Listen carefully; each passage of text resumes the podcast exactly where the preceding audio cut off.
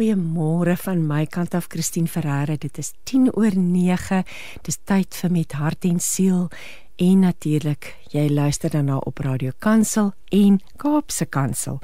Nou vir oggend gesels ek met Dominee Henny Martens oor hoe ons self of daar vir elke geleentheid 'n gebed is. Hoe ons eintlik oor alles kan bid. Ons gaan heerlik gesels oor gebed, die krag van gebed en so meer. En dan gaan entrepreneur en sakevrou Alet van Sail van Beaufort Wes vir ons vertel oor haar onderneming Hartsgoed en natuurlik ook die krag van gebed wat haar dra in in in deur deur alles wat sy doen en dan gaan dokter Renée Marikeet praktiese wenke gee vir ouers en leerders oor hoe om graad 12 te oorleef. Ek vermoed dit is 'n groot saak van gebed op die oomblik in baie huishoudings. So dit is wat jy kan verwag um, van ons program vir oggend en ons gaan ook afsluit met 'n stilte tyd meditasie deur Melanie Vosloo. So bly gerus ingeskakel vir sielskos en inspirasie. En natuurlik, dis vir ons heerlik as jy saamgesels. WhatsApp stuur 'n boodskap um, na 08 082 657 2729. Nou voordat ek en Dominee Henny gaan gesels, Dominee Henny Martens, wil ek net 'n kort stukkie lees uit Psalm 92 wat sê: Mense wat die Here liefhet, kry krag daaruit om die Here te aanbid. En daarom is hulle gereeld op hulle knieë voor ons God. Selfs as hulle baie oud is, hou hulle aan om goeie dinge te doen. Hulle is dan nog sterk en vol lewe. Hulle sal vertel dat die Here 'n reguit pad met mense loop. Hy duld nie kwaad nie. Hy beskerm sy kinders en ek kruip by hom weg. Dit is vers 14 tot 16 uit Psalm 92 uit die boodskap. Maar nou het ons vir Dominee Henny Martens op die lyn al die pad uit Bloemfontein. Môre Dominee Henny. Goeiemôre Christine en môre aan die luisteraars. Wat 'n heerlike voorreg om te gesels. Ek het so vermoede ek het nou voorheen met jou vrou gesels verskeie kere tydens die program. Ek dink dit is die eerste keer dat ek en jy met mekaar gaan gesels, as ek dit nie mis het nie. Jy is heeltemal reg. Jy het baie met Marita gepraat. Ek het al baie en ek baie dankie. En ek het al so baie vir sy het al so baie vertel van die wonderlike werk wat jy doen en en daar by die hospitaal, die waar jy die hospitaal dominee is by die Ingo Hospitaal so Ek spreek ek dit reg uit, Ingo, en E N G O, nie waar nie. Dis korrek. Ja. Korrek. Korrek uitgespreek. En en maar vandag gesels ons oor 'n boek. Ek het 'n lieflike boek in my hand. Ehm um, gebed vir elke geleentheid en die die agterblad sê vir ons dit bevat meer as 100 gebede vir elke geleentheid om gelowiges se gebedslewe te versterk en aan te val. En ek dink dis een van die dinge wat ons almal na strewe want sonder sonder sonder gebed is ons eintlik niks nie. Ons dit is nie daardie kommunikasie met God nie. So ek dink ons wil almal so graag beter kan bid en meer met krag kan bid. Maar kom ons praat 'n bietjie oor hierdie bundel van 100 hartsgebede. Wat het jou laat besluit om dit te skryf? Die Heilige Gees het my gedurende die pandemie tyd gelei om dit te skryf. Met die agtergrond te gee, gedurende die pandemie tyd was ons almal onder huisarrest weens die COVID virus wat ons almal bedreig het in 'n sekere sin. En toe in daardie tyd van stilte het die Heilige Gees my gelei om na te dink oor my verhouding met God, my verhouding met die naaste, my verhouding ten opsigte van my hele persoonlike geestelike lewe, sowel as oor siekte, oor dood, oor selfs oor sy wederkoms. En in daardie tyd het die Gees my sodanig gelei dat uh, daar 'n behoefte by my ontstaan het om dit neer te skryf want op die ou einde alhoewel 'n mens getroud is en net jou huweliksmaat het of soms as jy nie getroud is nie alleen is is die enigste ene behalwe jou aardse bewoners en jou naasbestaandes net die Here God in die Covid tyd. En as gevolg daarvan omdat hy die enigste ene eintlik is wat luister na ons hartsgebede, na alles wat hier binne in ons aangaan, is dit die, die behoefte die behoefte toe ontstaan om so 'n gebedsboek neer te beskryf onder leiding van die Gees self. Weet jy ek so na jou luister hier en ek dink, "Jo, wat 'n wat 'n voorbeeld." Ek weet jy's 'n 'n man van God jou hele lewe lank het al so pad met die Here geloop, maar hoe wonderlik om te hoor dat dat die Here ook met jou praat en sê kom, kom sit by my, kom versterk, kom leer meer, kom. So ek dink dis 'n inspirasie vir ons almal ongeag waar ons op ons pad is met hom dat ons maar moet teruggaan nê nee, en gaan gesels en praat en en die ander ding wat vir my uitstaan is tydens so baie die afgelope ruk hoor mense soveel positiewe dinge wat ook voortgespruit het uit hierdie pandemie. Dis nou al 'n hoe lank is dit nou al? Jaar? Ek weet nie eens meer hoe ons dit mense net al vergeet nê. Omtrent 3 jaar. Ja vandat dit begin het maar van en hoeveel hmm. hoeveel dinge is nie geskep en tot stand gebring? Ons ons miskien nie die negatiewe dinge wat gebeur het in die verlies nie maar daar tog soveel positiewe dinge daar tot stand gekom. Nou hierdie is dis 'n interessante boek met gebede want die, ons gaan nou 'n bietjie gesels oor die onderwerpe maar ek het so geblaai en terwyl ek nou hier ook blaai, hier's byvoorbeeld eh, 'n uh, gedig vir oor bipolariteit. So daar's praktiese goed ook, uitdagings wat ons nie eintlik woorde vir het om dit te na die Here toe te bring nie wat jy verwoord het. Maar vertel 'n bietjie wie wie in jou in jou gedagtes eh, wie wie sal almal baat vind by hierdie bundel? Uh Christine, uh eerstens is die persoonlike gelowiges wat hulle gebedslewe beoefen. Hulle kan hierdie boek as hulpmiddel gebruik om hulle gebedslewe te versterk en te verryk.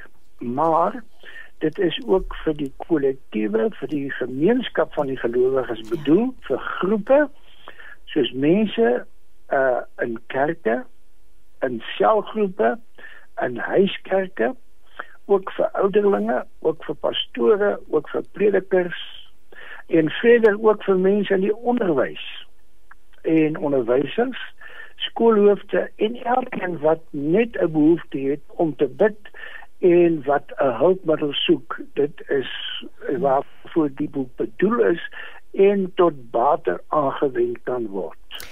Want daar's tog da, jy noem nou al hierdie geleenthede en daar's soveel geleenthede elke dag waar mense in die publiek 'n gebed moet lewer en dan is dan natuurlik die mense wat nie regtig kan bid voor ander nie. Dit dit daar is daar is tog sukkes onder ons ook wat nie gemaklik voel om te bid nie. Soos hierdie boek is eintlik die ideale ge, is 'n stuk gereedskap as jy verplig is of genooi word of jy moet een of ander tyd vir iemand bid, dan wat jy net rustig hierdie gebed kan voorlees want dit is geskryf met wysheid en insig met die deur soos jy gesê deur die leiding van die Heilige Gees. So wat 'n wonderlike stuk gereedskap vir ons en natuurlik op 'n persoonlike vlak om dit net van een punt tot die volgende te begin deurlees of volgens behoeftes. So dis 'n boek wat eintlik altyd langs jou bed kan lê, nê. Nee. Presies, kan ek net gou terugkom op wat jy gesê het wat vreeslik belangrik is wat ek nou nie genoem het nie. Baie keer is daar mense wat uh, kom ek noem dit maar te skaam is om ja, die openbaar te ja, ja. Jy dit so belangrik, dit is 'n belangrike punt wat jy geopbring en jy's met die oog op op hulle as ek dit so hmm. mag stel is hierdie boek dis hulpmiddel om vir jou iets in die hand te gee om vir jou woorde te gee wat jy teenoor die Here kan uitdruk. As ek nou so kyk na die na die inhoud van die boek, moes dit vir jou eintlik 'n verskriklike verrykende proses gewees het om hierdie boek te skryf, nie waar nie? Definitief, weet jy wat dit my is 2 jaar geneem. Uh, uh om die hele projek af te rond af te sluit, want dit is nie iets wat oornag gebeur nie. Ja. Dit is nie iets wat sommer verskoon tog uit die lig val nie. Dis ja. idiomatiese gebruik wat woord wat ek gebruik of wat jy sommer hier uit hmm. jou onderbaadjie uittrek nie. Dit is 'n uh, worsteling met die woord want baie van hierdie gebede of die meeste daarvan is gegrond op die Bybel op die woord. En daar's 'n verklanking daarvan in die gebede. Sommer van die eerste gebed af sal 'n mens dit verklank vind So dit was 'n worsteling met die woord met die Here en om dit behoorlik neer te skryf. Het jy volgens temas gewerk of het jy net begin en wat in jou hart gelê het begin neerskryf? Want daar en dan wil ek sommer ook vra wat was daar moes tog sekere temas gewees het wat wat sterker na vore gekom het as ander.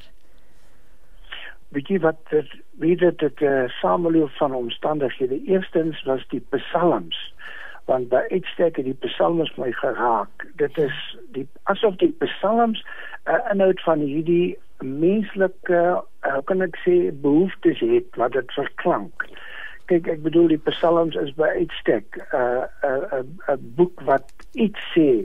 Ag ek bedoel uh, jy weet dit baie goed Dawid het al sy berou, sy sonde. Ja sy verkeerde dade, sy misleiding, sy uh, mislukking ten opsigte van sy kinders.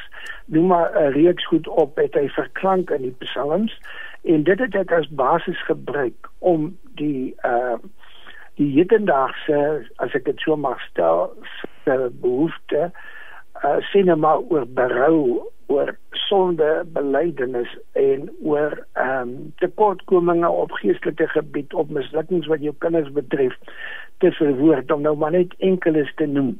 En uh dit is uh wat my aangespreek het die psalms en dan die woord van die Here en natuurlik bygesê die sogenaamde ekskuus vir die woord sits in leben die die konteks waar binne ons lewe die konteks waar binne ons lewe het my ook geraak oorloë. Jy sal sien op die tweede uh gebed gaan oor oorloë want gedurende die tyd het die oorlog ook weer begin en die worsteling wat ons as gelowiges het met oorlog ek probeer verhoed na aanleiding van Psalm 2 ehm um, in in so uh, het baie dinge van buite. En natuurlik is daar baie uh, sielkundige dinge wat ook mense raak. En die sielkundige tema wat in die koerante en in die media weer speel is is die bipolariteit en ja. dit het net my laat besluit dat ek bietjie daaroor moet lees en dit ook volgens die woord moet verklank want ek dink daar is sommige mense en gelowiges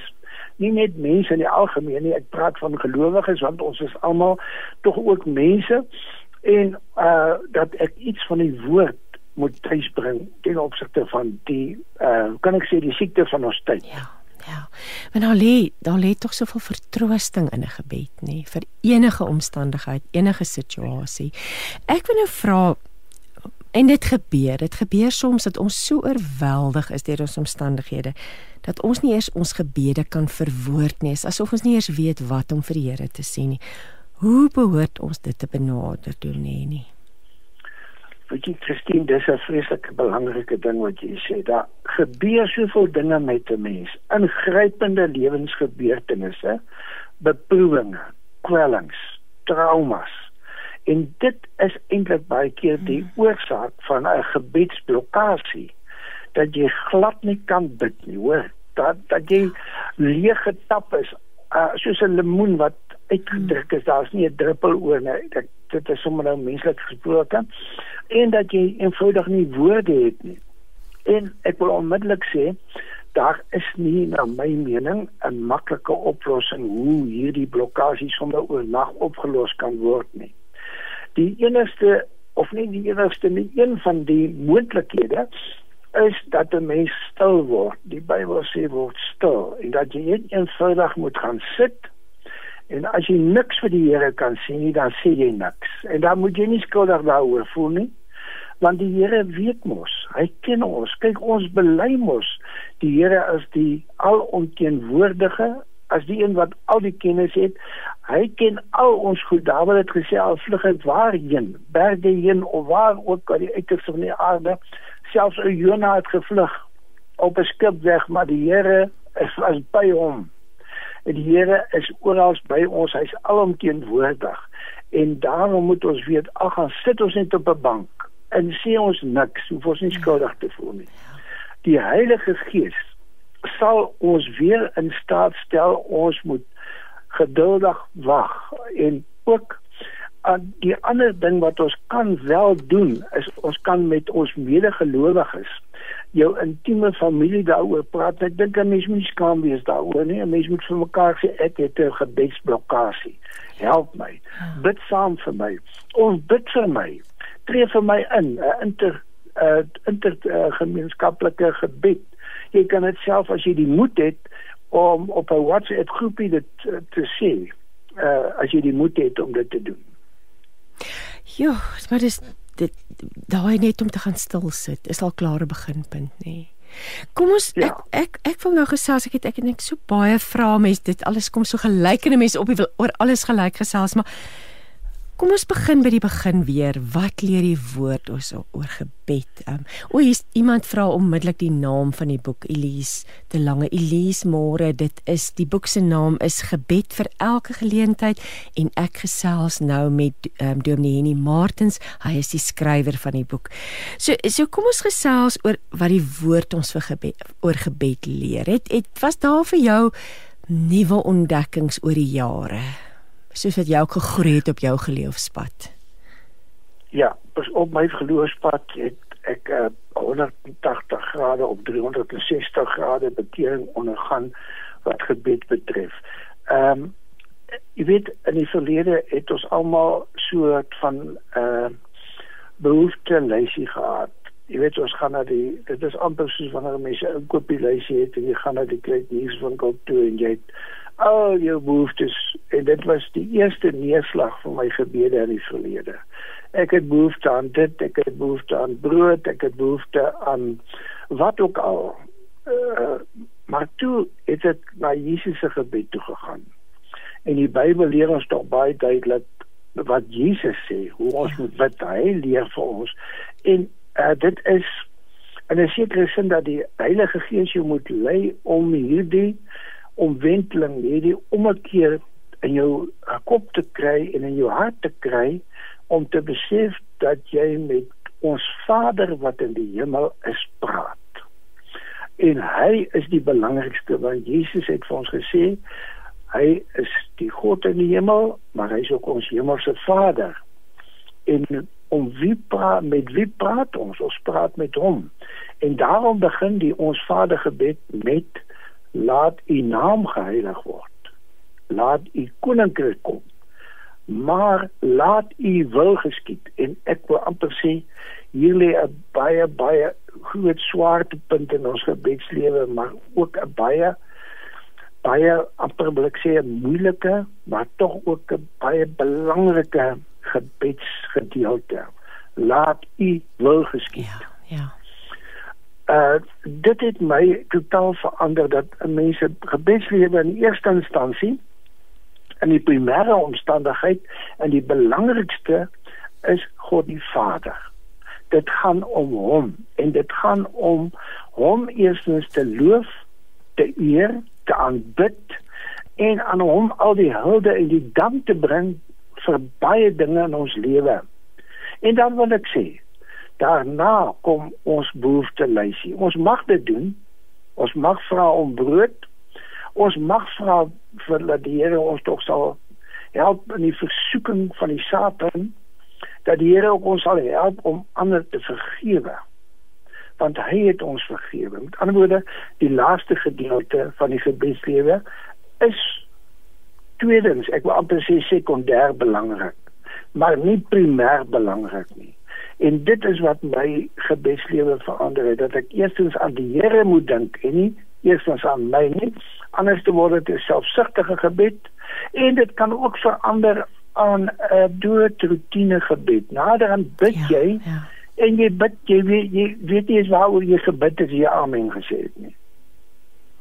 Ja, dit het nou 'n boodskap deurgekom sake Klaus wat sê gebed kan eenvoudig wees maar dit moet opreg wees. En hy sê vir alles hakkel jou probleme en jy moet bid. Dit is nogal ja maar daai eenvoud en opregtheid en dit maak eintlik nie saak nie wat uitkom nie nê ja. Die Here ja, ken jou hart. dit maak nie saak. Hy ken jou hart. Hy ken jou hart maar 'n mens moet ook aan die Here dink sou ek sê. Partykeer ja. kan 'n mens nie, maar wanneer 'n mens onder normale omstandighede, kom ek sê maar so, 'n mens moet die konteks ook reg verstaan onder normale omstandighede moet 'n mens aan die Here eerstens dink. Ja. Ja. Ek wil nou praat, kom ons praat oor die krag van gebed want ons word eintlik keer op keer daaraan herinner deur omstandighede, deur wat met ander gebeur, getuienisse. In die woord lees ons dit dat gebed regtig kragtig is. En en nee, nee ek weet Marita het al getuig oor hoe julle al gebid het in julle omgewing en en en en verandering wat julle al raak gesien het en en en eintlik seker wonderwerke kan mens ook maar dit sê noem. Kom ons gesels net oor die krag van gebed en hoekom is gebed dan so kragtig? Wel, Christine, ek is baie bly jy vra die vraag. uh kyk 'n mens moet baie baie mooi weer daaroor dink. Ek doen ons praat nou onder normale omstandighede ja. vanmôre. Uh en ek moet sê mens moet nou weer na die Bybel toe gaan. En ek stem jou saam, Jakobus 5:16 sê die vierde gebed van 'n regverdige het groot krag. Ja. Maar nou ja, hoe moet 'n mens die krag verstaan? Jy sien dit is die hele dis is die hele saak. Onder normale omstandighede sou ek sê moet 'n mens nou kyk uh, waar lê die krag eintlik van gebed? Want met wie praat ons wanneer ons gebid? Ons praat met die Here. En die krag wat ons ontvang om met die Here te praat kom van die Heilige Gees. Want in Efesiërs 6:10 staan daar: "Soek julle krag in die Here en in sy groot mag." So die Here gee vir ons die krag om te bid en ek bedoel Psalm 23 sê duidelik hy gee nuwe krag. So ons moet nou nie wat vanmôre luister en dink o, wêreld, ek is so flou, ek is nie kragtig nie nou nie uitgesluit voel nie. Die Here gee krag.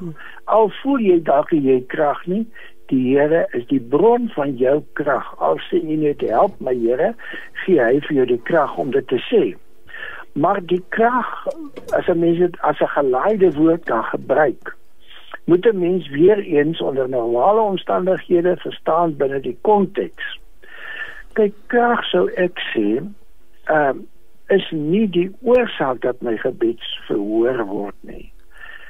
Krag is uh die ehm um, die gevolg ja. van wat ek bid. Met ander woorde, krag word in my vrygelaat nadat ek gebid het want dit wat ek bid plaas ek in die kragveld van God. Want binne sy kragveld word gebede verhoor en word gebede nie verhoor nie.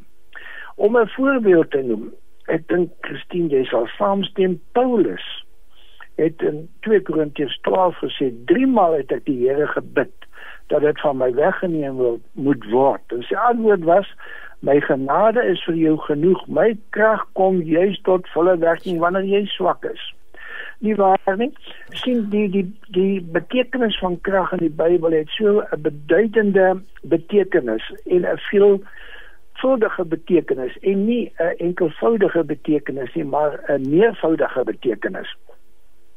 Hierdie krag wat Paulus gehad het, het hy gaan plaas, het hy ontvang van die Here en hy het sy swakheid voor die Here geplaas en die Here het nie sy gebed verhoor nie, Maar hoekom het wat wat waar waar waar die krag gelê? Die krag het daarin gelê dat die Here hom geantwoord het.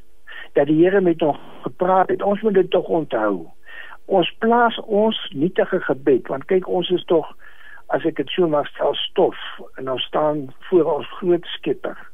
Ons is materie en ons staan voor die Skepper van die heelal. En ons is so klein en ons plaas ons gebed binne daardie geweldige kragveld van God en dan kom die kragtige antwoord van God ook na Paulus. Jou gebed sal nie verhoor word nie. Jy sal 3 maal tot my bid en jy sal agterkom jou swakheid is eintlik my krag. En in jou swakheid moet jy dit ook getuig. Wat gebeur as 'n mens se gebed uh nie verhoor word deur 'n kragtige oomblik nie? Wil ek amper sê is dit 'n katarsis wat jy ondervind. Jy het die wonderlike geleentheid om hierdie kwelling wat jy in jou hart het, hierdie hierdie benoudheid, uh hierdie smagting na gesondheid, hierdie smagting om verlos te word van wat ook al dat jy dit binne die kragveld van God kan plaas. Dit gee vir mens die krag, die oorwinning op daardie oomblik om dan kragtig te bid en te weet die Here hoor jou. Hy luister na jou. Hy antwoord jou ja, nee, wag 'n oomblik en almal weet dat die Here 'n bepaalde antwoord het. Die Here is 'n hoorder van gebed, ook 'n antwoord van gebed en hy doen dit op sy wyse. Die klem val op sy wyse. En dis wat vir ons as mens so moeilik is, nê? Ons verwag eintlik die Here moet inspring, dadelik kom help, gee die oplossing, verander die omstandighede, maar daar's altyd iets te leer as hy nie ehm um, as hy nie dadelik antwoord nie of nie antwoord die die antwoord gee wat jy wil hê nie. So dis nogal 'n dan moet 'n mens gaan sit nê want jy kan nie dan jou rug op God draai en hom verwerp en sê my hoor my nie want ons ons hy hoor ons hy sê vir ons in sy woord en wat jy nou tereg gesê het wat hy vir Paulus gesê het my genade is vir jou genoeg gaan jou deur hierdie goed dra ja. Ek wil nou ek ons gaan nou is nou 'n stukkie musiek luister en dan na die musiek gaan ons gesels oor hoe ons ons gebedslewe kan verryk. Maar kom ons gaan eers luister na Heinz Winkler wat vir ons gaan sing Die beker. Een visie, een stem, een boodskap. Radiokansel 657 AM en 729 Kaapse Kansel maak impak op lewens van Gauteng tot in die Kaap. Ag en hoe gepas het Heinz Winkler nie vir ons gesing oor die beker nie en sake klas sê deur gebed kan ons nie God se hand draai nie. God se wil is nie die mense wil nie of God wil nie die mense wil nie. So en as 'n mens bid, moet mens mense nie beïndruk nie, maar God eer. En ek ek glo hier nie jy stem saam met daardie da stelling. Sjoe, dit gaan nie oor die mense ja. te beïndruk nie, maar om God te eer en dis ook wat so lekker is as dit dan 'n opregte gebed is wat jy net kan voorlees. As jy nie want ek dink baie keer is mense voor iemand anders moet dit voel jy ek moet dalk iemand beïndruk en dit is onnodig nê. Nee. Ehm um, kom ons gesels ja. Kan ek kan ek kyk vir iets ja. optel wat jy net nou gesê het voor ons al die musiek geluister het wat baie belangrik is. En dit is dat gebede nie verhoor word. Soms ge nie ja. alle gebede word ja. verhoor nie. Ek moet net sê mens moet nou nie sê alle gebede word nie verhoor nie. Soms sommige ja, word nie verhoor nie. ja. Want alles te het 'n mens 'n probleem met daardie so stelling, maar ek wil tot dit weer optel, weet jy, wat toe ons gepraat het oor krag van gebed. Jy weet baie mense dink krag van gebed sal die hele prentjie verander, my krag. Hmm en baie keer het ook het ons soort van 'n manipulerende gedagte saam met hierdie krag uh om gebed te laat verhoor by die Here is om te sê Here as U my verlos van dit sal ek vir altyd by getuig. Here as U dit vir my doen doen ek dit vir U.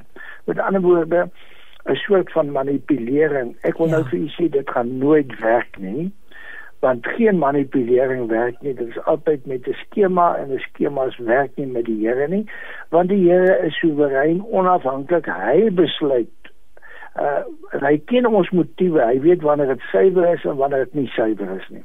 So ek wil onmiddellik sê om daarbey aan te sluit ons moet dit onthou. En as ons dit onthou moet ons tog weet dit is emosioneel moeilik as ons gebede nie verhoor word nie. Ja. en nogtans dink ek moet 'n mens dan met die worsteling uh tog met mense daaroor praat en jy moet self sê Here help my om geduldig te wees of help my Here om u besluit te aanvaar. Of wys vir my Here of ek nog geduldig moet wag op 'n antwoord. Maar dit ek moet net met jou saamstem dit is baie moeilik as jy 'n nee antwoord kry.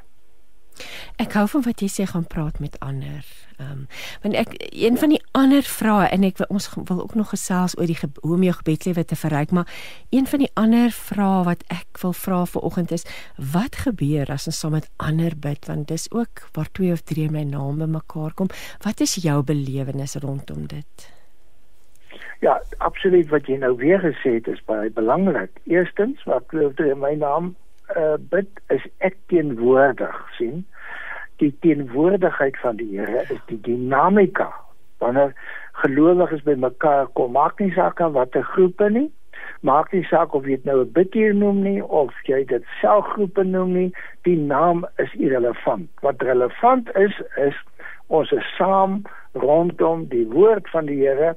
Ons bid saam en as jy saam bid word daar tog 'n dinamika vrygestel. Jy hoor wat ander bid en as jy hoor ek weet nie of 'n mens jy ook al ondervinding daarvan gehad het nie 'n kettinggebed ja. het ons baie keer gebid en dan bid een hiervoor en dan hoor jy wat die behoefte van 'n ander is en dan tree ons vir mekaar ook op hierdie wyse in wanneer ons na mekaar se gebede luister, bid ons vir die ander een se behoeftes. So daar is 'n groot stuk dinamika en ons bid vir mekaar. Ons dra mekaar se laste, soos die Bybel sê.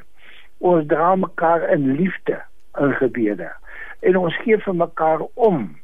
En al hierdie wonderlike dinge gebeur wanneer ons saam bid, wanneer ons kollektief daarna streef om vir die Here se aangesig te staan.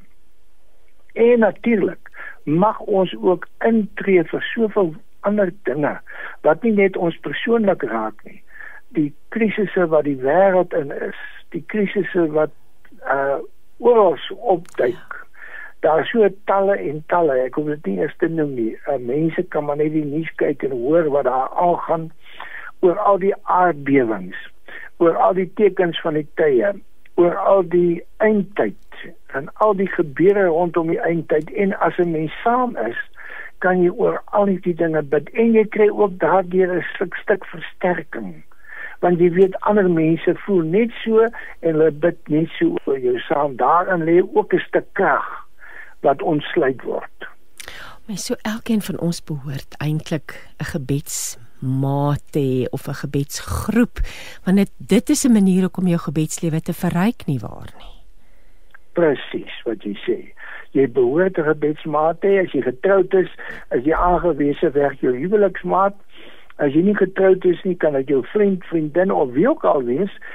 Jy kan selfs met jou kinders eh, bid. Jy kan selfs met jou naaste bid. Jy kan selfs met iemand by die werk bid. As jy nou by 'n werksituasie is, ek het daar baie keer gesien dat baie mense sê hoorie verskoon net 'n oomblik ons gaan net gou een kant gaan bid dat 'n mens dit kry aan die werksituasie ook dat jy vir mense sê ek het nou behoefte aan kom ons gaan bid hieroor. Of as jy te nagekom word as ek die woord boelie kan gebruik as iemand jou boelie dan kan jy na 'n maat toe gaan of jy kan um, na jou mede ehm um, gelowige wat saam jou werk gaan en sê kom ons bid help my om hierdie situasie te hanteer. Jy weet 'n mens word baie gekonfronteer met baie probleme by 'n werk wat nie net jou werk is nie. Met ander woorde, as jy 'n boekhouer is, is dit nie net jou syfers wat ja. eise aan jou stel nie, jou mede uh werks uh genote wat saam jou werk kan baie veel eisend wees en baie moeilik wees. En daarom is dit so 'n saak dat jy saam met iemand bid oor die saak. Ja, dit dit is sommer bly dan maar net wonderlike voorreg om na die Here toe te kan gaan in gebed onder watter omstandighede ook al.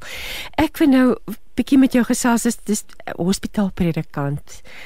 En ek wil vra en ek wil sê jy ek glo jy sien daagliks die vertroostende impak van gebed in werking hier. Ek neem aan gebed is 'n ongelooflike groot deel van jou bediening by die hospitaal.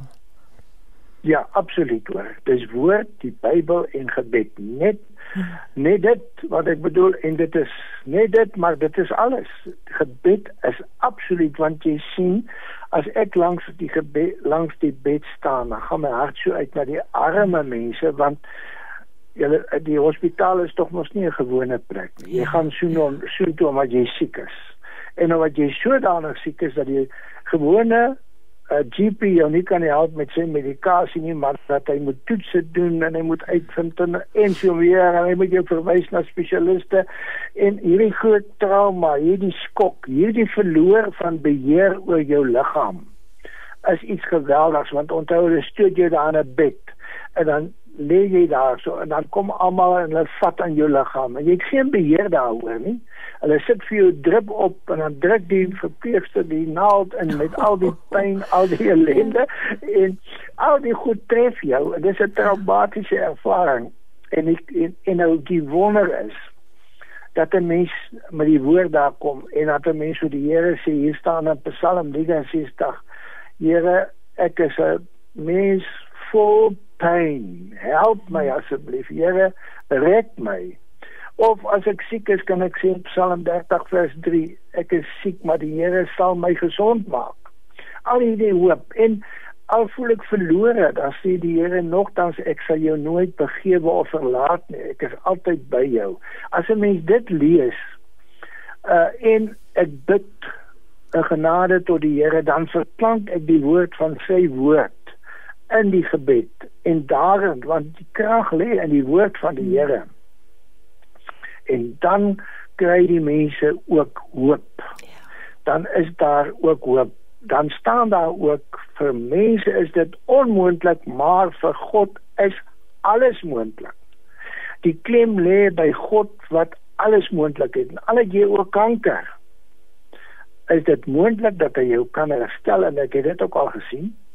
Hy kan die chemo sien, hy kan die bestraling sien dat jy daar uitstap en dat jy uh kan herstel en aangaan met jou lewe. So dit is 'n geweldige wonderlike en 'n heerlike in 'n sekere sin wat my betref bediening wat ek het om vir mense te kan bystaan in hulle allergrootste nood en daar te wees wanneer iemand sterf.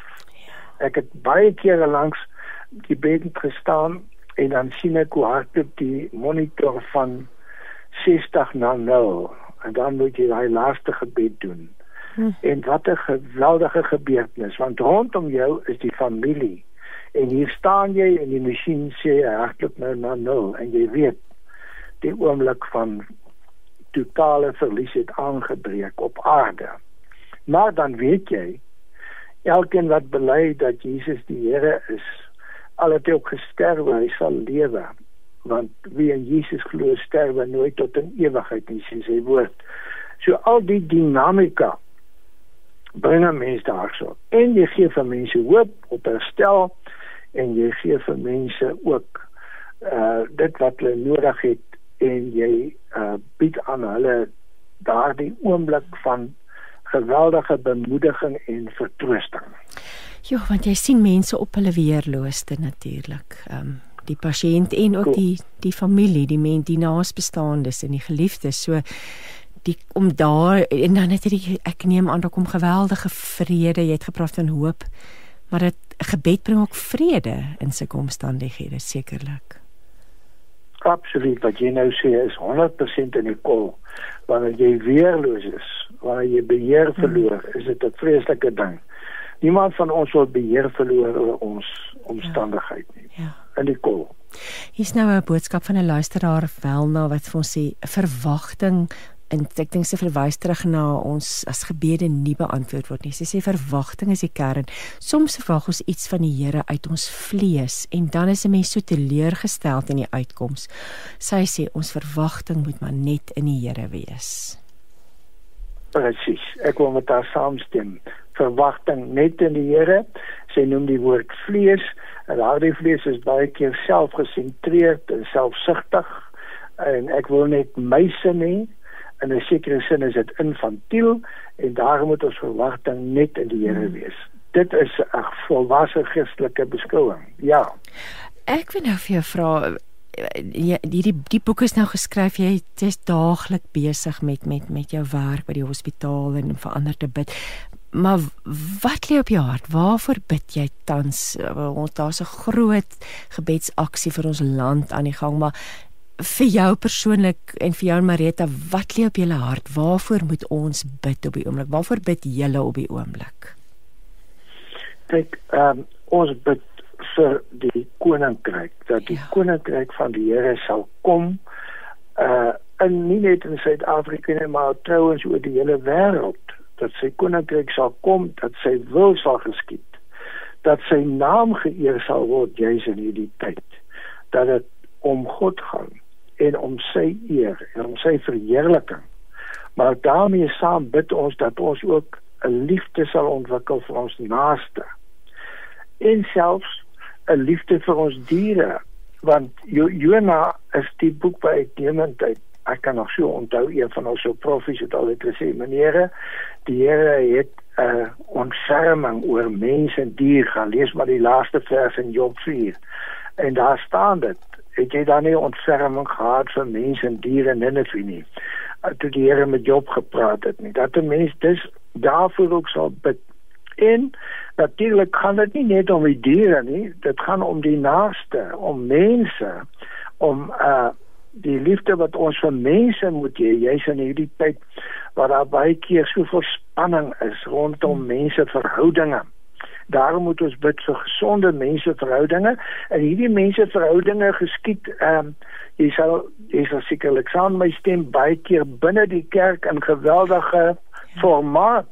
Ek wil amper sê by baie keer woed hier 'n uh, ongesonde uh, woede binne 'n uh, Christelike kerke en ek dink 'n mens moet daarvoor ook in besonder bid dat daar 'n suiwerheid sal kom uh, en 'n liefde teenoor lidmate van mekaar van maak nie saak watter genootskap nie. En natuurlik waarvoor ons ook bid is die geweldige armoede. Ag, dit is vir my hartseer. Dit is so hartseer dat daar soveel mense in hierdie lewe gebore word, arm gebore word en weet jy, Christine, hulle sterf arm. Ja. Dis iets verskriklik. En 'n ander ding is ook vir siekes. Ek bedoel omdat ek nou binne die hospitaal werk, bid ek nou ook vir siekes, want ek bedoel dit as leer swaar op my hart as ek die dag die hospitaal gestap het en die mense bedien het dan in die aand dan is dit tog nog op my hart om ja. ook vir hulle weer te bid. Ja. ja. Kom ons ek, ek sien ons ons tyd raak min hè en ek wil graag hê ja. jy moet vir ons ter afsluiting een van die gebede van jou keuse vir ons voorlees uit die boek asseblief. Kan ek sommer begin met gelukkig die heel eerste een hè? Kan ek kom lees? Ja, met liefde. Ons Heer en ons Heiland, U is die weg, die waarheid en die lewe. Daar is geen ander pad, geen ander persoon, geen plan wat ons kan bedink, geen bedrag geld wat vir ons ware geluk kan betaal of wat ons na die waarheid en die lewe kan lei nie. Ons het die pad byste geraak en ons het geluister na die raad van goddeloses. Die pad van Sondag het ons bewandel en ons in die geselskap van die spotters bevind. Maar u versoenende ingryping het ons in ons sondige spore gestuit wat u Heilige Gees het ons harte wedergebaar sodat ons tot bekering gekom en u as ons enigste verlosser aanvaar het ons Heer en ons Heiland u het ons die onuitspreeklike vergunning en voorreg gegee om as u kinders bekend te staan en by u te mag wees elke oomblik van ons lewe.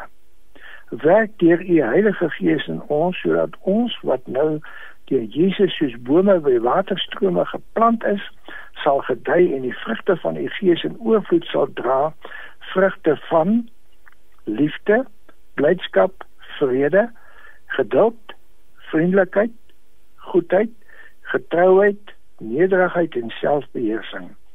Ons Here en ons Heiland as kinders van ons hemelse Vader is die dra van die vrugte deur die krag van die Heilige Gees nou ons grootste vreugde. Nooit weer hoef ons bang te wees dat ons die vreugde en geluk wat U vir ons gee, weer prys hoef te gee nie, want keer op keer kan ons U nou ook in die samekoms van gelowiges aanbid en vereer. Ons Heer en ons Heiland, in U vind ons ware egte en blywende en volkomme geluk. Amen. Amen daarop ook. Jo. En dit is dan nou net 'n voorsmaakie van een van hierdie 100 gebede en hoe hoe, hoe lekker om daarmee te begin hè nie om dadelik te verklaar dat God ons die bron van ons geluk is, nê, dat ons eintlik daar moet begin. Ek wil vir jou baie baie dankie sê vir jou tyd vanoggend. Ek wil net terwyl van ons luisteraars weer die titel van die boek herhaal. Die skrywer is Dominee Henny Martens. Die boek se titel is Gebed vir elke geleentheid en dit word uitgegee deur Luka. Henny seën vir jou vir al die wonderlike werk wat jy doen en en en dankie vir hierdie boek. Mag hierdie boek ook mense se gebedslewens verryk en ook hulle verhouding met Christus en en met, en met die God die Vader en die Heilige Gees verdiep. Dis dis ons gebed vir jou van hierdie kant af. Um, enige laaste gedagtes van jou kant af?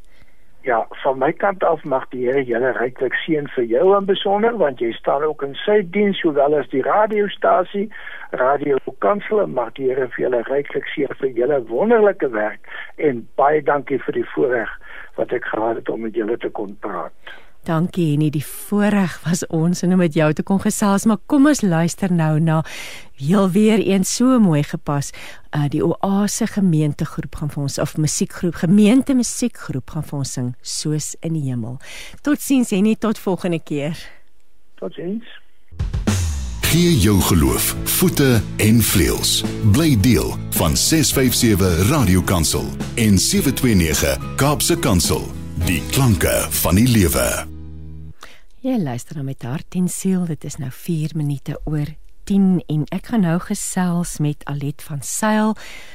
Alipad uit Beaufort Wes. Sy's boervrou, sy's sakevrou, sy's ma, 'n kreatiewe siel, 'n kind van die Here. Wat 'n voorreg môre Alet, so lekker om met jou te gesels ver oggend.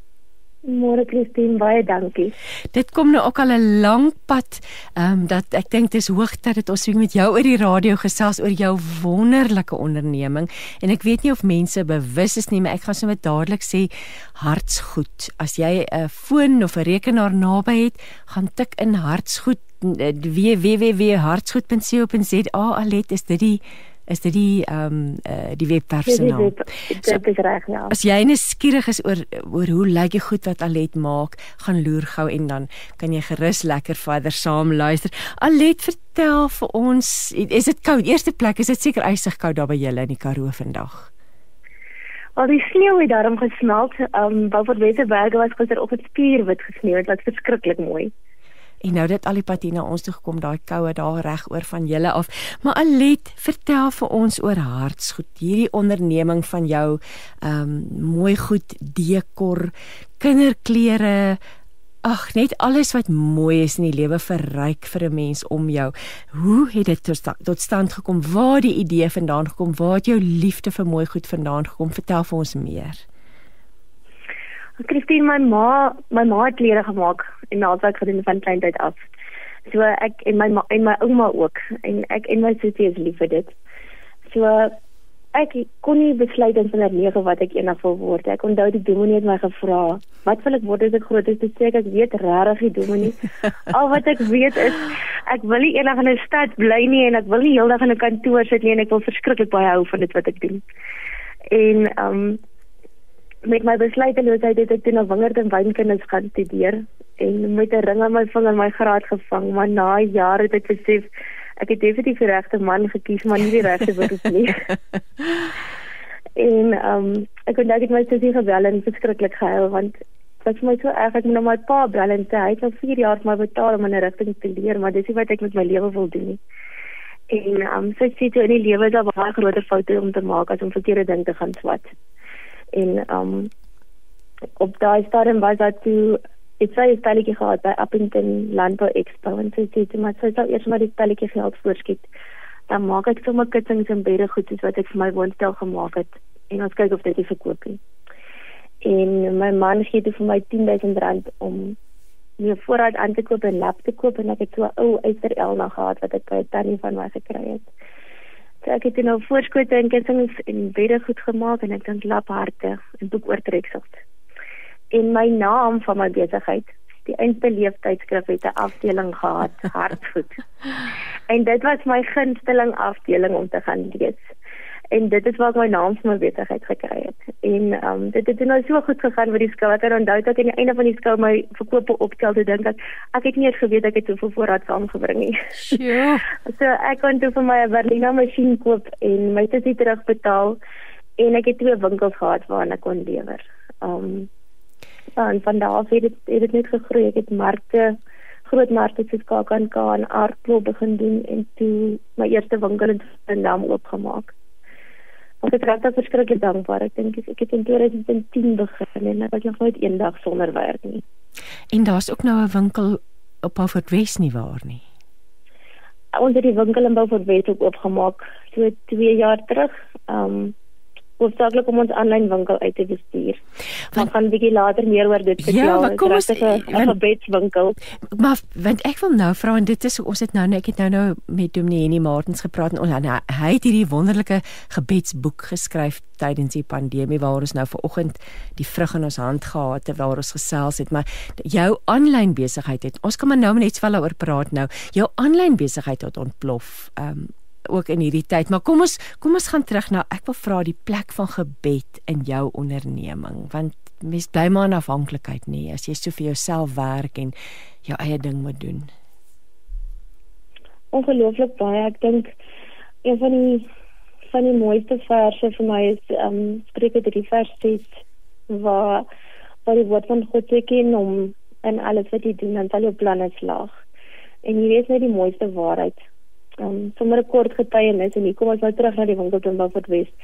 Ek het regtig geraad op vir 2 en 'n half jaar terug en toe gegaan onder die werk met die aanlyn winkel introduksie en ek het deel my kindie deeltyds getuieskool. En na baie gebeure in Raadsal by die Here het Beaufort West se hartgoedwinkel gebore. En dit maak my las te verligter. Die winkel is regtig van die Here af gebid wat kantoor op die plaas is my bid en beplan en beleidkamer en dis hier waar ek al baie by die Here gehuil het maar ook al hoofluis uitgeslaan het vir die teenwoordigheid van die Here en die duidelike antwoorde in sy woord ek kan regtig niks van hart gedoen sonder die leiding en die seën van die Here nie maar wat vir my mooi is oor van hartsgoed is dit dit is die ideale dekorstuk of geskenk vir 'n gelowige. Jy steek nie jou geloof weg nie. Skrif is deel van die ontwerp. Vertel vir ons 'n bietjie van die inspirasie agter dit alles en hoe jy jou geloof dan so mooi inweef in hierdie handwerkprodukte wat jy lewer. Ek dink ehm um, dit is so groot voorreg um, om dit wat die Here ons gegee het as 'n gawe elke dag te kan gebruik. Um ja, ek het in my lewe nog nooit 'n besigheidsplan gehad nie. En ek het nog altyd net gemaak dit wat vir my mooi was en mense het dit gekoop. Um as die Here self in my winkel instap, moet dan nie iets op my rakke wees wat nie vir hom mooi en aanneemlik is nie. Iemand het eendag my gesê my besigheid is my ministry en die kompliment was 'n bietjie groot vir my. Ja. Maar ek wil baie graag met my woorde en my produkte mense herinner om dankbaar te wees en lewe te spreek. Ek wil graag herinner hoe groot Abba Vader se liefde vir ons is en hoe mooi en volmaak alles is wat hy gemaak het. En ek dink dit vir ons ons grootste inspirasie lê. Ek as jy na voeltjie se vere kyk, um die Here het hulle nie net almal een kleur gemaak nie. Ja, ek dink hy is net die groot vader van kreatiwiteit.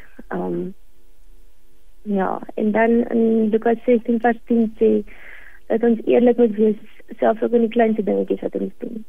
En ek dink die Here het die Here sien sien ons so baie om maak ons foute maar wanneer ons regtig probeer om gehoorsaamheid met hom te wandel.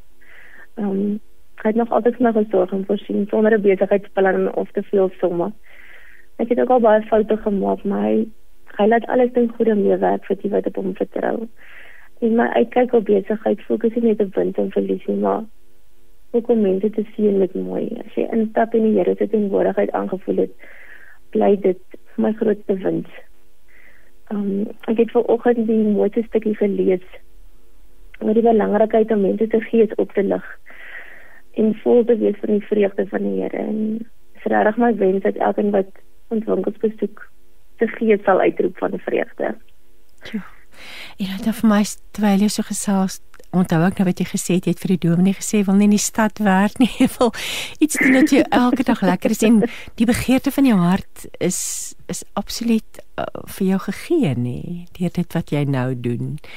Wat ek glo so ja dit ek wil jou lewe klink vir my net na so 'n wonderlike romantiese lewe daar die plaas en besig met al hierdie mooi goed die hele dag. Maar ek neem aan in die realiteit is dit maar 'n bedrywige lewe want jy sê jy jy tuiskool jy het twee kinders nê nee, is die tuiskool jy albei is hulle nog te klein die enetjie hoe hoe lyk 'n dag in die lewe van Alet van Sail?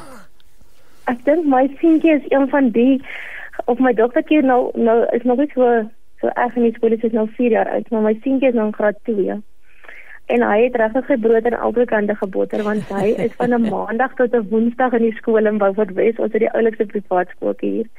En dan gaan ons woensdag maar terug plaas toe. Ehm um, dan ons donderdag doen ons die laaste werk van die skool klaar en dan dan is dit my tyd wat ek nou so 'n bietjie in my studio daar op die plaas moet werkskaf en admin en al.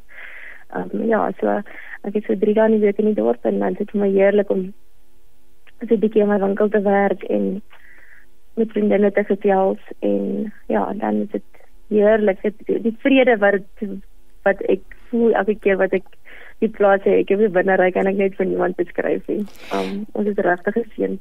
Hoe werk die besigheid self? Het jy jy konseptualiseer alles, jy kom op met die idees. Het jy 'n span teen hierdie tyd het jy sekerlik al 'n span mense wat vir jou werk?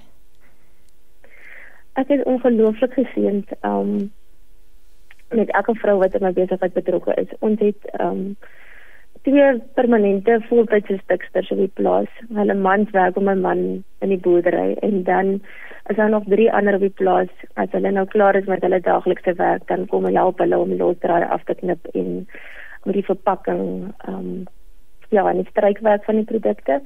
En dan het ek ook ehm um, vier vrouens van oor die land wat vir ons help met die produksie van die kinderklere. Ek wou nie met die kinderklere na 'n uh, fabriek toe gaan nie um, want ek wou nie massa produksie doen nie.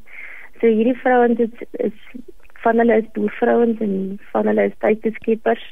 Ehm um, hulle ek stuur net vir hulle die die voorbeeld in die, in die patrone in die lab en hulle knip en en behartig aan die stuk wat maar hulle is net ongelooflik trots op hulle werk. Die op die plaas ook is vir my amazing om te sien dat hulle regtig nie net hierdie werk doen vir my nie, maar dat hulle werk asof hulle vir die Here werk. Um ja, dit is wonderlik om om die mense se se liefde vir hulle werk en ons produkte te kan sien. Kom ons gesels oor die pandemie want deel van en nou kom ek nou ek wil nou sommer dadelik vir ons luisteraars noem Alet se storie verskyn ook in die lente uitgawe van Leef as jy meer wil lees en meer wil kyk dis hoekom ek van hierdie vrae kan ek nou vra met ek bekend is met die met die storie. Maar ek wil om te wag op die Here en harde werk loop hand in hand en daar was 'n tyd dat jy ook maar moes geduld gehad het en en dan wat het gebeur rondom die die die grendeltyd daar het 'n groot skuif gekom in jou besigheid nie waar nie ek dink die pandemie is seker een van die mooiste getuienis van God se per, perfekte tyd en um voorsiening die jaar voor Covid kon ek die eerste keer my nampo stelletjie geld net so in 'n spaarrekening bære nou dit is op sigself 'n baie groot seëning vir enige iemand wat wat markte doen en en hmm. skepende werk doen. Ehm um, so toe Covid kom met die eerste gerusstelling daar is iets om op terug te val. Maar ek was so bang want wie gaan nou mooi goed koop wanneer die hele ekonomie vou en mense moet kies tussen mooi goed en honger. Ek dink die vyand het in daai tyd net soveel vrees kom ja, saai. Ja. En jy weet skielik wat my winkel by Buffalo Rivier op 'n besige roete toe en doodstil Um en een aanstuurde vriendin van Richmond vir my stemboodskap van 'n vrou van Rietbron in naby Beaufortwes wat 'n visioen van God gekry het. En haar boodskap was aan eienaars van klein besighede in Suid-Afrika dat ons nie moet vrees nie, maar na ander maniere van besigheid doen moet kyk. En ek het dadelik geweet hoekom ek reeds 'n jaar van tevore my aanlyn winkel oopgemaak het, maar dit het nooit regtig van die van die front af gekom nie. So ek het lank as in my lewe so hard gewerk soos toe en die skurwe grond wat met 5 hekke tot by die een twee keer 'n week gery om koerierpakkies te gaan afgee by die by die bakkie wat dan op my daar gewag het. Maar my hart was net so dankbaar.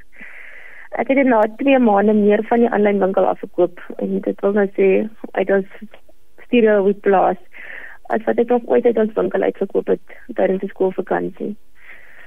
Ek het so baie geleer in hierdie tyd. My gebed was dat die Here my moet help sodat ek ander kon help en hy het in oorvloed voorsien en ons regtig in 'n posisie gesit om ander te kon help. Ons aanlyn winkel het so gegroei dat ek nie meer groot markte kan doen nie. Ek mis dit verskriklik baie, maar so so dankbaar dat die die druk so veel minder is en dat ek meer tyd het vir my gesin.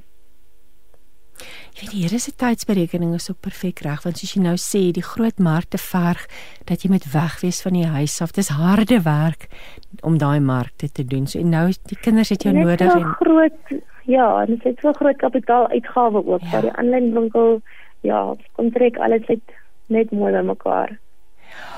En ek wil nou vir jou vra jy want jy het nou daar's lesse geleer, definitief entrepreneurs wat luister, kreatiewe mense, iemand wat dit brand in hulle hart om hulle eie besigheid te begin. in die eerste plek watter lewenslesse en sommer nou wil ek dit byvoeg want ons kan dit nie skei nie.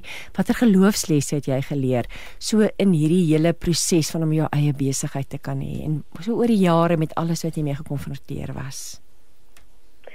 Ek dink die heel belangrikste is om daai droom wat die Here in jou hart geplant het om 'n geloof te hê om nou sprong te maak. Um ek het net so tydjie terug 'n gesprek gehad met 'n ander vrou entrepreneur ook en ek dink ons het so geneig om te wil vashou aan die standvastigheid van 'n uh, vaste werk.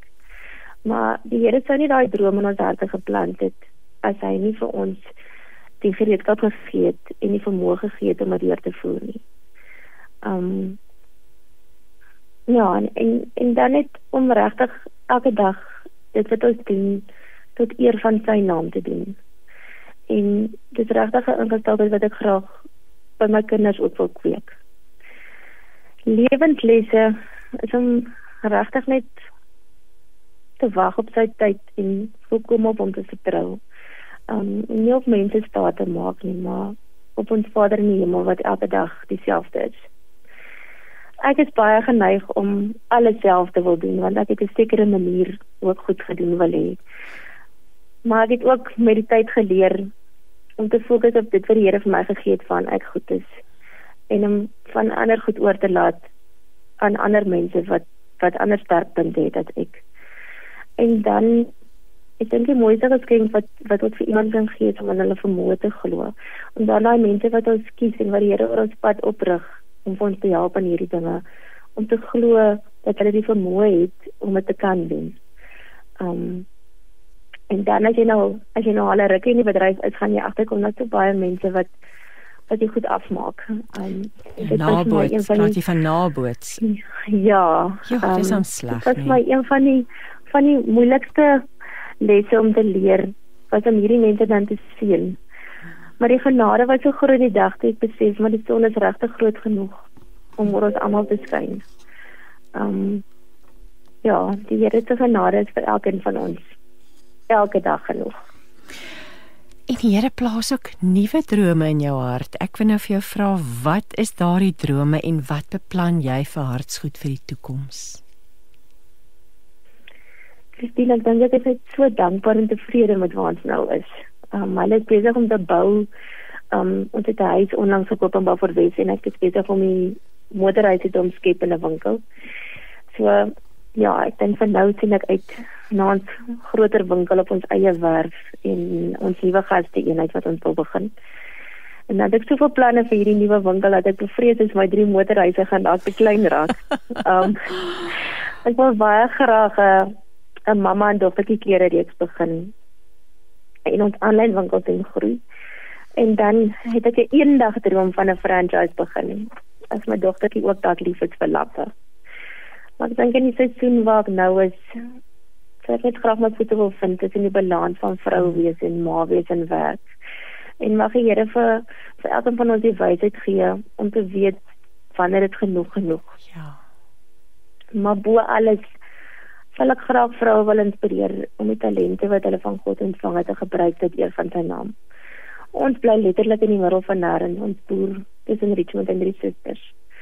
Maar dit is die beste plek en die mooiste posisie om om in te wees om iets moois te skep vir sy kinders en lig te bring in 'n donker wêreld.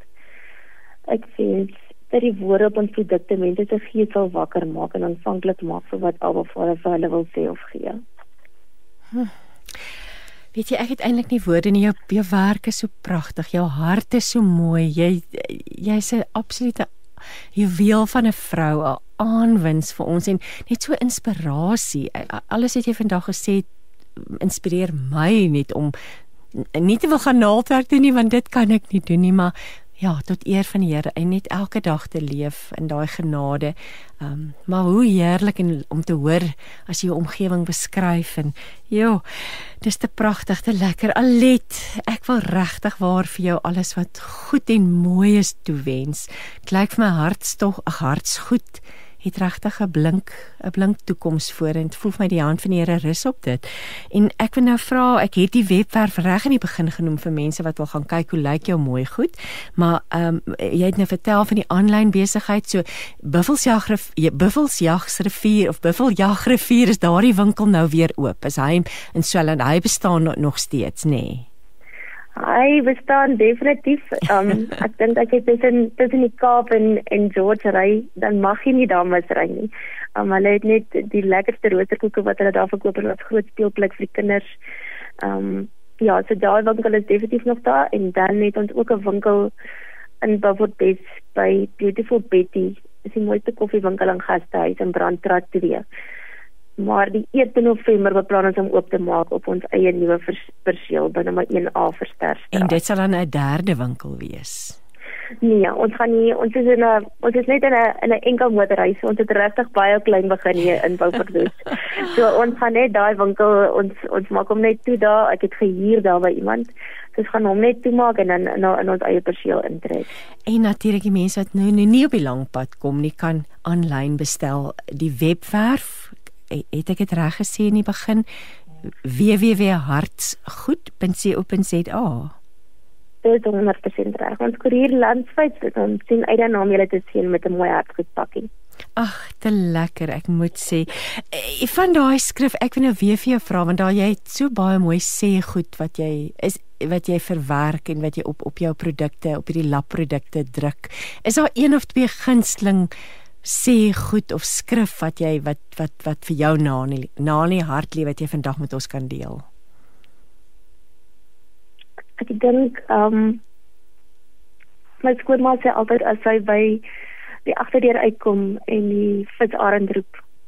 Ehm um, dan weet sy die Here sê vir haar is vandag by haar. En my pa is 'n ehm um, dis 'n oorlede aan kanker maar hy het verlede jaar het hy my ma by ons kom kuier by plasma se verjaarsdag en ek het sommer twee koeke by 'n vriendin van my bestel in Victoria West en sy stuur vir my die Bybelvers terug van um of saam met die koeke van God sorg vir die mossies en toe ek die oggend van mm. see maak toe my pa nou daar kom sny ons sommer dadelik koeke en ons gaan sit op die voorstoep en toe ons gaan sit toe is die mossies net in die sterre as myn by die pilaar hmm. en die hele kuier was die mossies die hele tyd daar so Ek het in ons nuwe reeks vers geskryf. Um ek wens vir jou 'n motie op jou voorstoep, die visarend te roep. Dit alles om vir jou te sê hoe diep God se liefde vir jou lê. Ek het sommer wonder vleis. Dankie, dankie daarvoor. Amen. Ja, allet alle alle seën vir jou. Hê 'n pragtige dag daar in Beaufort Wes en en ja, mag die Here jou seën en nogmaals dankie vir jou tyd vanoggend. Luister na Radio Kansel 657 AM vir 'n goddelike perspektief op wêreldse situasies. Jy luister na met hart en siel dis 10:32 en ek gaan nou gesels met Dr. Ronay Marikeet. Sy is die akademiese dekaan van die Independent Institute of Education in Hulle en sy bring vir ons 'n paar praktiese wenke rondom uh, ja en 'n oorlewingsgids, praktiese raad rondom die leerders wat besig is met graad 12 en natuurlik ook dit is van toepassing op hulle ouers. So goeiemôre Dr Keet of mag ek maar sê Ronay Marie? ja, goeiemôre en uh, goeie jy is baie welkom jy my sommer op my naam Ronay Marie. Ronay Marie, hierdie is 'n bitter moeilike tyd vir graad 12 leerders en hulle ouers. Hoe wat is julle belewenis en is dit die rede hoekom julle hierdie ehm um, hierdie praktiese gids uitgereik het? Ja, inderdaad Christine, en jy weet ons kry gereeld navrae van ouers wat wil weet hoe hulle hulle graad 12 kind kan ondersteun en akademies kan help ter voorbereiding van die graad 12 eindeksamen en dit is so belangrik om te noem dat dit nie slegs 'n uitdagende en emosionele tydperk vir die graad 12 leerder is nie maar vir uh, maar veral as ons dink aan die verhoogde stresvlakke en angsvlakke maar dit is ja. ook 'n uitdagende en 'n emosiebelaaide tydperk vir ouers jy weet. So ouers vra dikwels ek sê tog hoe kan ek my kind ondersteun? Jy weet sonder om te betrokke te raak of moet ek my kind los om self deur hierdie eksamen tydperk te navigeer? En dit is juist hierdie ek wil amper sê hierdie transformasie of hierdie transformerende tydperk wat vir beide die graad 12 leerder en hulle ouers uitdagings inhou. En as 'n mens dit net reg benader, kan dit 'n baie positiewe tyd wees. Um 'n mens dit is ook 'n onbekende tyd vir baie mense. Dis ook hulle eerste kind in graad 12. Jy verwys ook na die ander tipe druk, die die daar's emosionele faktore, maar en wat sou jy sê wat is die druk binne gesinne wat waarin hulle nou blootgestel word en wat is die faktore wat 'n rol hmm. speel in die konteks van ons tyd en ja, en, en 'n kind wat nou gaan graad 12 skryf? Ja, jy weet ek dink um, 'n mens moet soms 'n tree terug gee. En ek dink in die huidige konteks, jy weet, staar gesinne en ouers in magdom sosio-ekonomiese uitdagings in die gesig. Maar dit veral ook om jou kind en dan nou spesifiek jou graad 12 kind om om sy toekoms en sy sukses hmm. en sy transformasie binne hierdie reeds uitdagende en voortdurend veranderende sosio-ekonomiese raamwerk te verseker. Dit is definitief een druk. Weet jy, ek dink onmiddellik aan beerdkrag. Wat 'n impak het dit nie op die kinders nie? Ja, verseker. En en en en dis jy weet jy as ouer en ons praat van van stres en en en druk, jy moet verseker jou kind help gedurende jy weet om om te navigeer. Ehm um, deur hierdie uitdagende omstandighede en dan is daar natuurlik ook die voortdurende druk vir akademiese prestasie want uh, op ook op jou as ouer in die sin dat indien die kind byvoorbeeld nie toegang kry, jy weet wat gebeur as my kind nie toegang kry tot 'n sekere kwalifikasie of 'n studierigting ja, of 'n ja. onder hoër onderwysinstansie nie, wat gebeur as hy nie 'n beurs kry nie? En dit plaas verhoogde druk op beide die ouers sowel as die kind en is daardie emosionele druk wat beide die ouer en die kind wat wat beide ervaar wat geïdentifiseer moet word en dan doelbewus en ek lê klem daarop met groot sorg eintlik bestuur moet word. Dis vir my baie interessant jy verwys na um, twee uh, bene waar volgens ouers hulle kinders kan ondersteun. Die een verwys jy nou as praktiese fasilitering en die tweede deel noem jy emosionele verankering. Wat behels hierdie en wat bedoel jy hiermee? Ja, so ouers ons ons sê ouers kan gebruik maak van emosionele verankering. So dit verwys maar net na aspekte of dinge soos jy weet help jou kind skep jy weet help hom om 'n rustige omgewing um, te skep wat konsentrasie en geestelike helderheid um, kan fasiliteer. En dit verwys dan ook uh, na wat ons noem empatieke dialoog. Met ander woorde, die skep van 'n omgewing waar jou kind sy vrese of sy aspirasies of sy akademiese uitdagings wat hy ervaar vrylik met jou as as ouer kan bespreek. Maar dit gaan daaroor om aktief en werklik sonder oordeel dan te luister en dan uh, baie belangrik as dit kom by emosionele verankering um, is die vier van mylpale tydens hierdie voorbereidingstyd met ander woorde om erkenning te gee aan jou kind vir sekere akademiese mylpale moeite of die toewyding. Met ander woorde, die resultate hoef nog eers daar te wees, maar maar erken die kind se moeite, die feit dat hy toegewy is en klein prestasies, um, want dit verhoog selfvertroue en en en dryfkrag binne binne jou kind. So dit is emosionele verankering.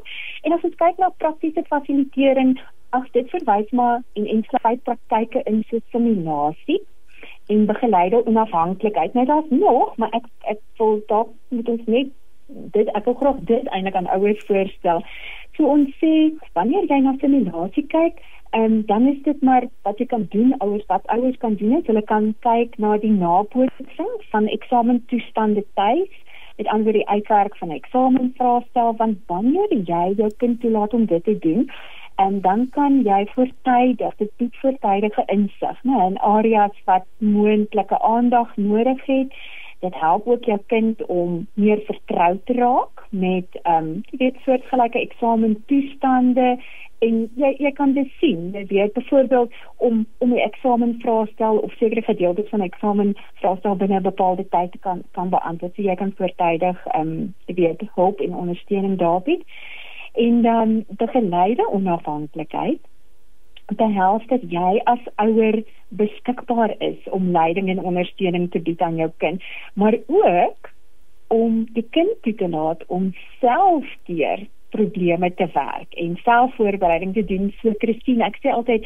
dit is daardie fyn wisselwerking tussen ek is hier vir jou, maar daar is sekere dinge wat jy alleen en selfstandig moet doen. Maar daai is 'n dis 'n ja. moeilike ene daai vir 'n vir 'n ouer want as jy nou sien hierdie kind is nie besig om te doen wat hy of sy moet doen nie en dit kookie binne in jou hoe wat hoe weet hoeveel hoeveel keer kan ma nou neel en sê hoekom leer jy nie hoe waar vind 'n mens hierdie balans eh, wat is jou jou raad vir vir 'n ouer wat so voel maar ek kan sien hierdie kind maak droog en ek wil hom hom of haar so graag bietjie net bietjie vuur onder hulle maak wat doen 'n mens dan Ja, weet jy wat nou? Ons sê ons sê dan ook ons deel ook graag dan met ouers en en ons sê weet jy wat? Dit is baie belangrik om bewus te wees van jou eie emosies ten ja, opsigte ja. van jou jou kind se akademiese prestasies en en en en jou eie emosies doelbewus te bestuur. Met ander woorde,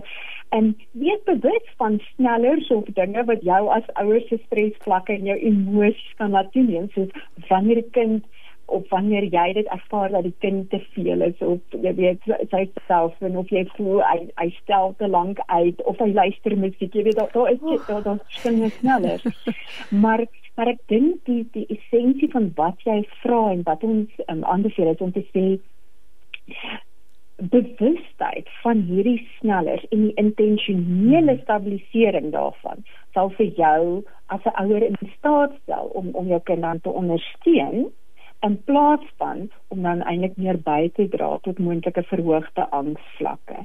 Jy weet en en en ja, en en 'n mens ek ek dink dit is ook belangrik om te sê, ehm um, jy weet dat 'n mens na die groter prentjie moet kyk. Jy weet 'n breër perspektief kry. Jy weet dat alhoewel die eindeksamen van kritiese belang is, verteenwoordig dit ook maar net 'n hoofstuk in jou kind se uitgebreide opvoedkundige reis. So soms is dit belangrik vir ons as ouers, ehm um, jy weet om ook die groter prentjie te sien. Dit, dit is baie kosbare ehm um, raad wat jy nou daar gee. En en ek wil eintlik weer teruggaan na die konteks van julle in die begin, die konteks waar binne die kinders op die oomblik matriek skryf. Daar's werkloosheid. Hulle weet nie wat die toekoms inhou. Daar is sosio-ekonomiese hmm. faktore wat net groot stresors is. En en iets wat ons dan ook natuurlik elke jaar gebeur dit dat 'n kind dalk sal uh, sy hand aan sy eie weet sy eie lewe neem, selfdood pleeg omdat hy uitslaa ja. nie goed genoeg was nie. So hierdie is nie 'n ligtelike ding wat ons net sommer net moet weet af uh, um, weet af dit is dis iets dis 'n baie ernstige onderwerp eintlik waar ons gesels vanoggend nê. Nee.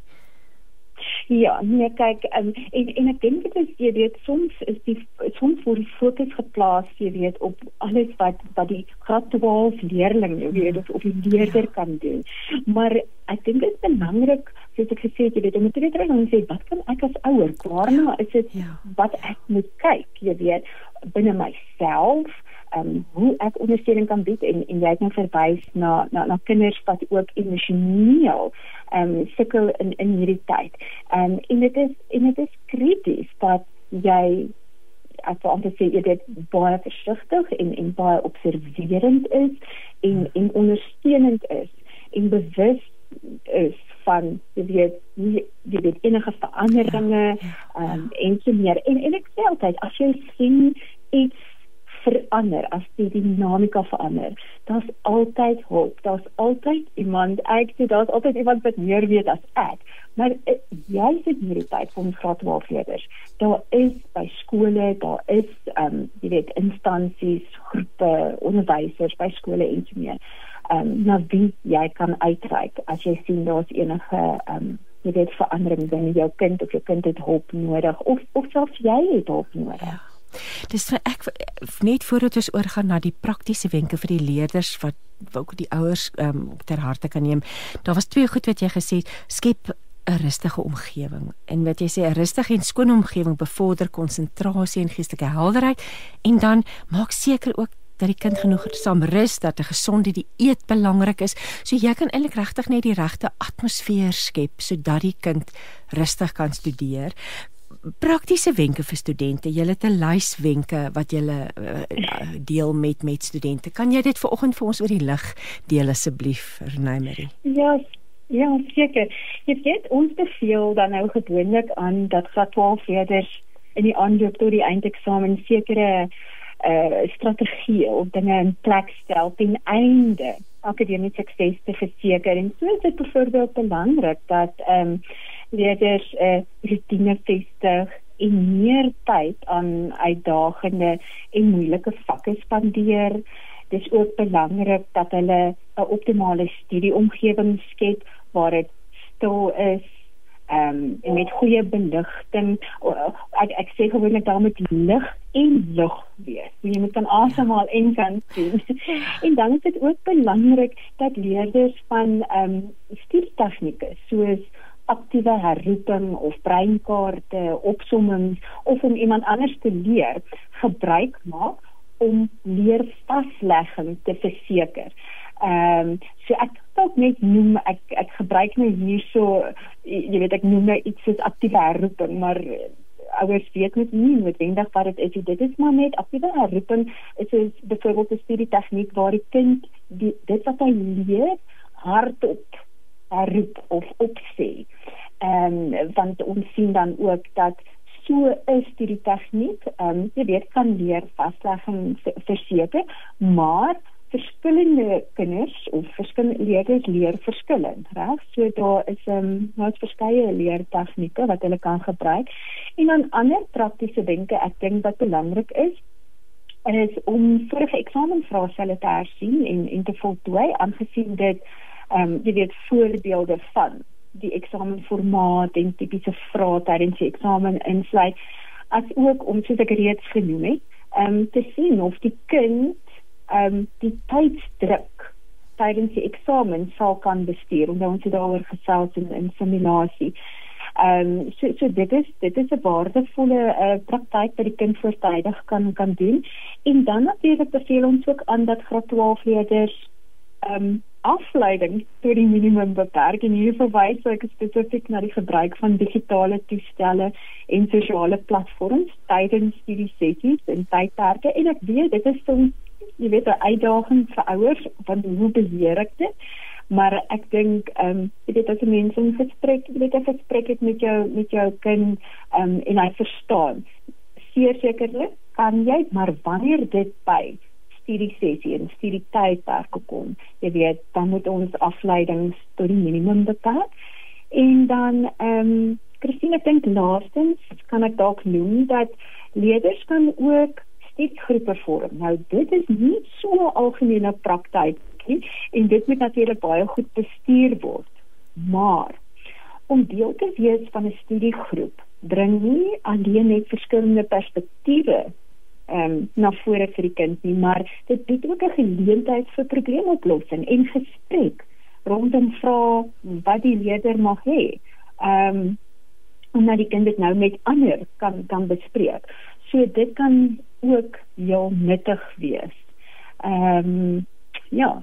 Ehm um, en natuurlik op die dag van die eksamen self, uh, ons ons benadruk dit altyd wanneer ons met met die graad 12 praat en dit is om te sê jy weet maak seker dat jy al jou benodighede by jou het, jou ID-dokument, jou skryfboek, jou sakrekenaar, wat jy ook al gaan nodig hê wees betyds uh, by die eksamenlokaal want as jy laat kom jy weet dit verhoog, ver, verhoog jou angs en stresvlakke en word rustig en kalmeer jou gemoed.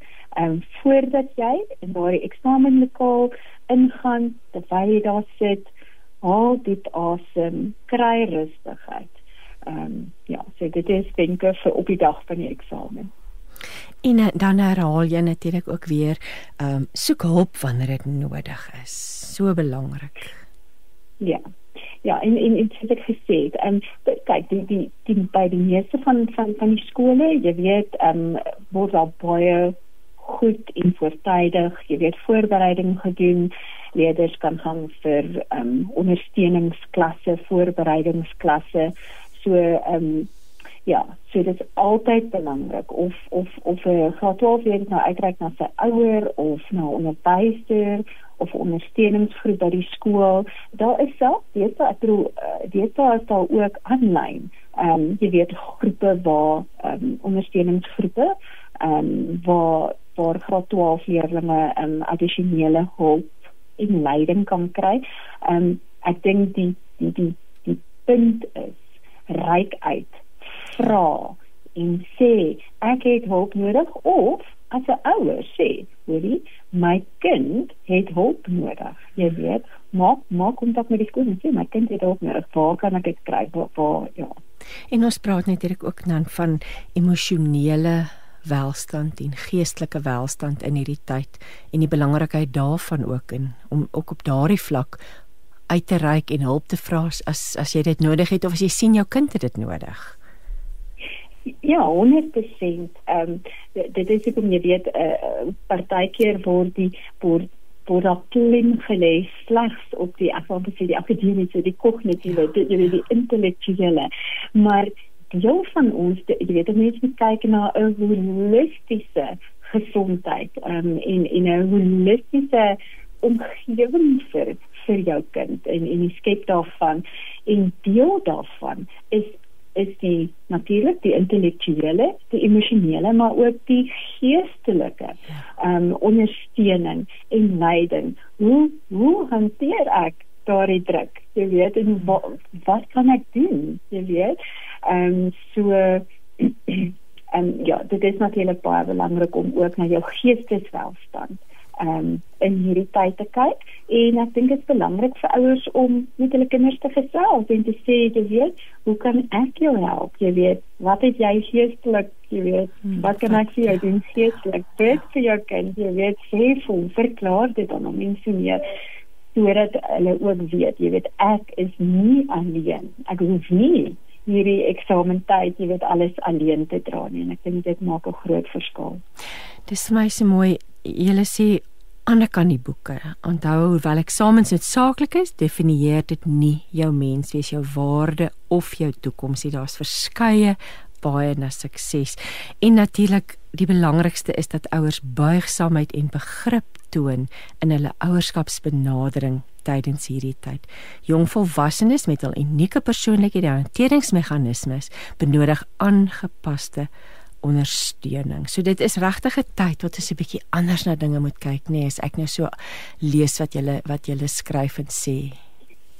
Ja, en dit is wat en ek en ek ehm um, dit is dit is werklik ehm um, ons oortuiging dat ehm um, jy weet dat jy hierdie hierdie fase ek gesê hierdie is so 'n transformasie fase van jou ja. kind se lewe en en jy weet maar, maar dat jy dat jy dit sou ek wil my amper verstout om te sê jy moet dit geniet jy moet dit ja. waardeer jy moet teenwoordig wees saam met jou kind jy weet want ehm um, jy weet volgende jaar um, is jou kind jy weet hy gaan universiteit toe of college of hy gaan werk dalk maar hoe dit ook al sê jy weet hierdie hierdie is 'n hierdie is 'n fase waar jy regtig ehm um, daar moet wees of kan wees vir vir jou kind.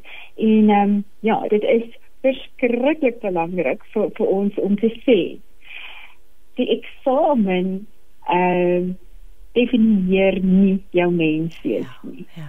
Uh ook nie jou waarde nie. Party kan argumenteer dit kan dalk jou toekoms uh jy weet definieer maar en sê nee. En daar's verskeie paaie na sukses Um almal sukses beteken nie almal altyd dieselfde vir almal nie en ons het ook verskillende paaie en elke ou se pad sal jy weet voor hom ontvou. Maar as ouer wees daar vir jou kind ondersteun hom kyk na jouself, jy weet jou benadering as jy ehm um, as jy so bietjie jy weet jouself, jy weet uh, as jy dinge so bietjie moet verander in hierdie tyd ten einde jou jou matriekkind ehm um, jy weet te ondersteun ja. doen dit jy weet van volgende jaar is hy nie meer daar en dan ter, eh, net ten einde laaste uh, Renaimerie waar kan luisteraars meer te wete kom oor die Independent Institute of Education? Het julle 'n webwerf wat ons aan die luisteraars kan noem Ja, weet jy Christine, indien luisteraars meer wil weet van die Independent Institute of Education wat hoër onderwysinstansies soos natuurlik Rosebank College insluit, um, dan kan hulle gerus na die Independent Institute of Education se webwerf by www.iie.ac.za gaan vir meer inligting. Renée Marie baie dankie vir jou tyd vanoggend. Ons is nou ons tyd het aan hierdie kant ook uitgehardloop of min geraak. Ek wil baie baie dankie sê en dankie vir hierdie kosbare waarhede wat jy wat jy vandag met ons kom deel het en ja, mag die mag jy ook geseënd wees. Ek neem aan is ook maar 'n moeilike tyd vir die vir die onderwysers aan die ander kant ook, so maar alles seën ook vir julle vir die graad 12 fase wat nou voorlê. Baie baie dankie Christine, ek waardeer dit. Ons ons gaan nou afsluit met uh die stilte tyd meditasie deur Melanie Vosloo en liewe luisteraar ek sê dankie vir Paul Manne vir die tegniese versorging en dat hy ons so mooi deur hierdie 2 ure gelei het. Um en vir jou sê ek mag die Here met jou wees, mag hy jou seën tot ons volgende week weer saam kuier hier op met hart en siel. Van my kant af totsiens. Gee jou geloof vleuels. Ontdek die lewe saam met 657 AM. Welkom by hierdie week se oordeenking. Jou tyd van afsondering, van stil word, sodat jy jouself net weer diep bewus kan maak van die feit dat jy deur God beweeg, leef en is. Onthou dat wanneer jy ver van God af voel, dit nie hy is wat weg is nie. Hy kan nie van jou afwesig wees nie. Jy moet maar net vir jou gedagtes doelbewus op hom rig, sy teenwoordigheid beleef en weet hy kan jou in die stilte van jou hart aanraak. Ook vandag. Was dinge al vir jou ook so erg dat jy eenvoudig net vir God gesê het Here ek kan nie meer nie. Ek wil ook nie meer nie. Kom haal my. Ja soms is die pyn en teenslag die verlies die dood net so erg dat ons nie meer wil nie.